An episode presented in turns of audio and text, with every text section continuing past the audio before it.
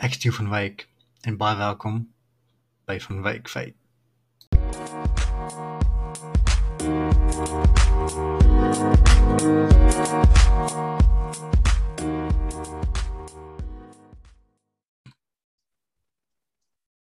Goeiedag, goeiemôre en goeie tyd luisteraar. Welkom by die 18de episode van die populêre musiek podcast. Ek is jou gasheer vir vandag, Toer van Wyk en saam met my my gasvrou, die wonderlike Mianka Blighnout. Baie dankie dat jy vandag hier saam met my is. Dit is my voorreg om vandag hier te wees saam met julle. Ons gaan vandag kyk na die band Fok of Police Car en dan gaan ons 'n liedjie bespreek Ek skyn heilig in die album Swane Sang. Baie dankie, maar voor ons aangaan is 'n paar woorde van vader van Afrikaans, Steve of Meyer. Die woord Fokof is vir die volgende 20 minute op jou TV onverban. Jy het klaar geraai hoekom wat 'n voorreg om die manne hier te hê. Kyk man of jy dit nou like of nie, die belangrikste rede is as dit nie gedoen word in Afrikaans nie, is dit een minder ding wat ons doen wat ander mense reg kry en ek staan nie daarvoor nie. Wat 'n voorreg. Hier in ons ateljee dan. Fokof musika. Dankie oom Steve. Theo, vertel ons asseblief 'n bietjie meer van wie, wat, waar, wanneer Fokhof.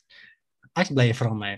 Fokhof Polisiekar is 'n Afrikaanse rockgroep wat gestig is in die jaar 2003 in Bellville, Kaapstad.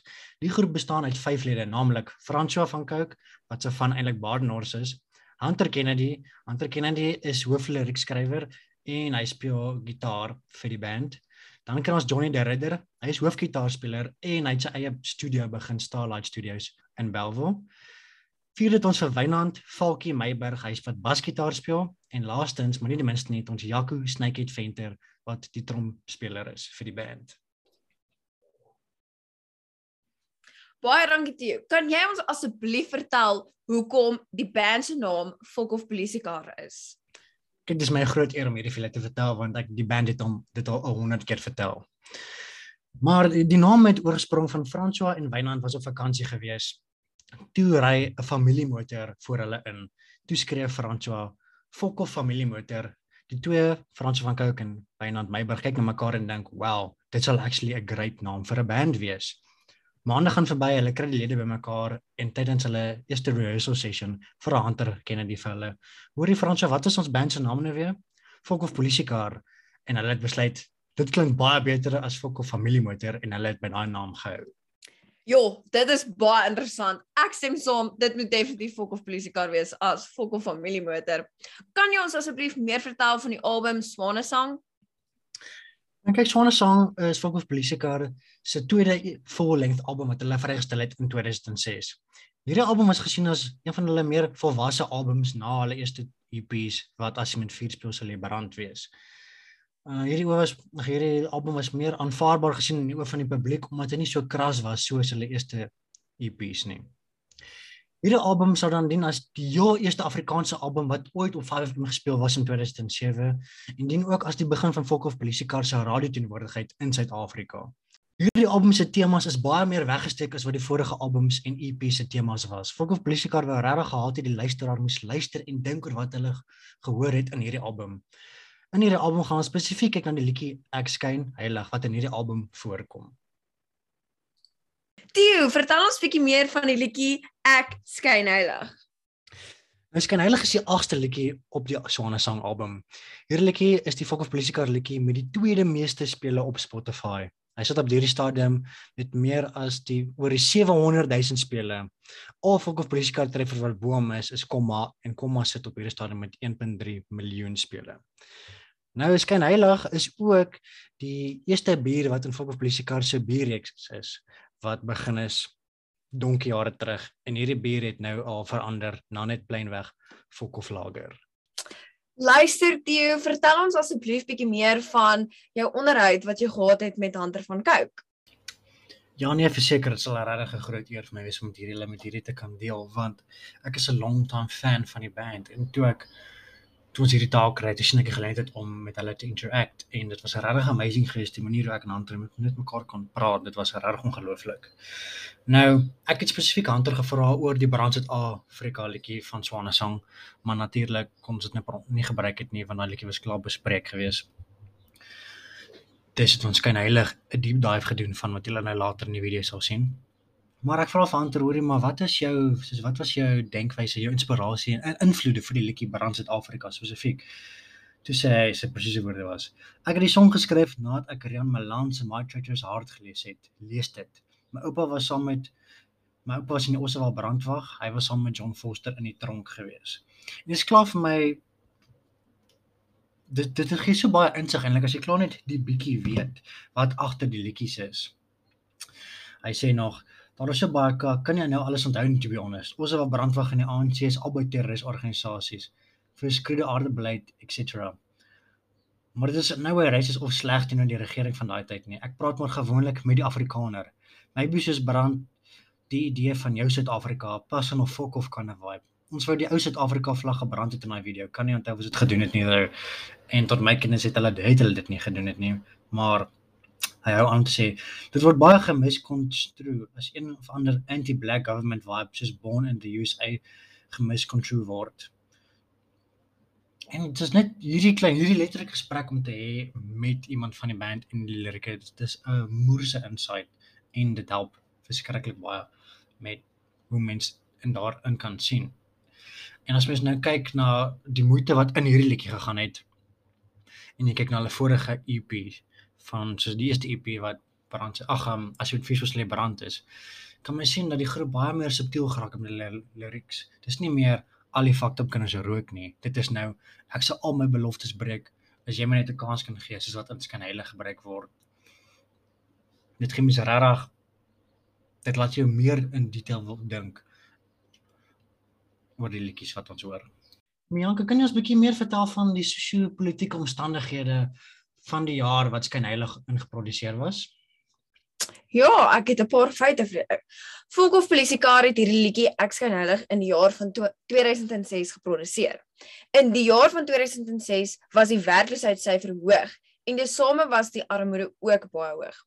Mens kan sê dat die nuwe revolusie nog besig was om die beloftes van hervorming aan te leer. Die armoede het vanaf 2005 gedaal met 1.1%, maar was steeds 'n baie hoë getal van 66.6%. Dit is meer as die helfte.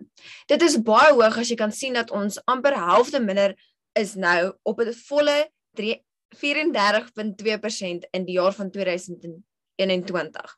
In die jaar van 2006 het die inflasie gestyg vanaf 4.3% na 4.9. Dit is met 'n volle 0.6% gestyg.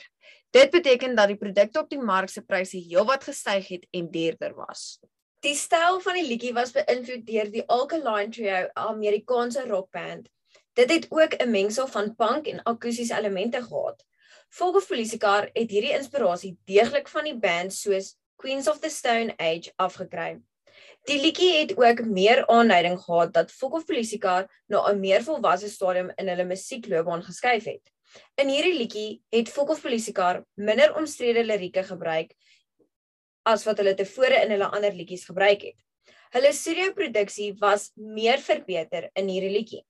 Johnny de Ridder het ook 'n groot rol gespeel om hierdie liedjie te produseer sodat die volwasse beeld meer kan beklemtoon word. Ons gaan 'n bietjie 'n diep duik doen in die lirieke van Ek skyn heilig.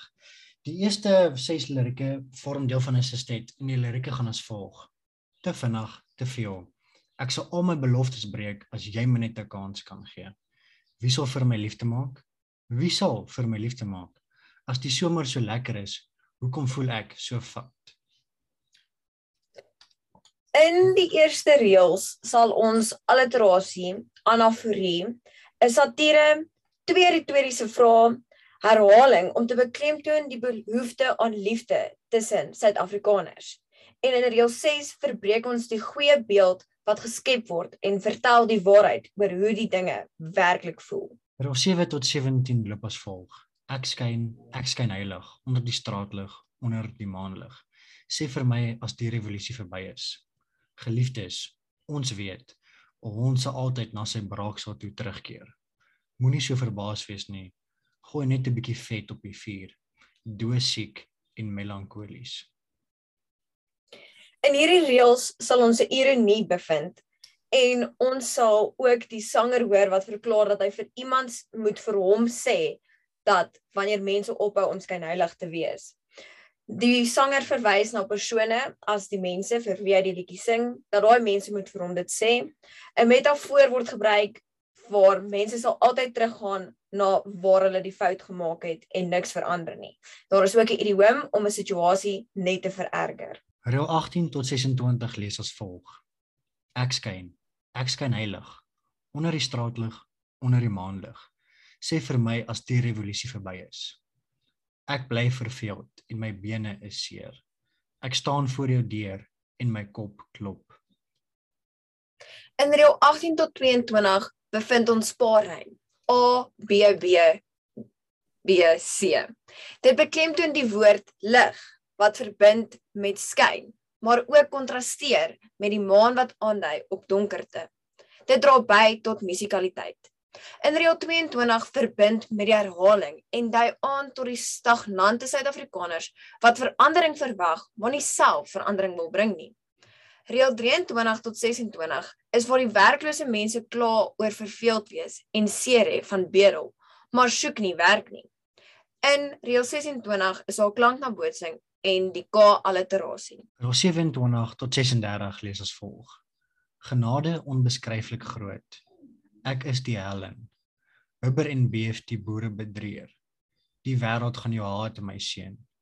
As jy die waarheid praat, gaan hulle jou wil doodmaak. Ek skyn, ek skyn heilig.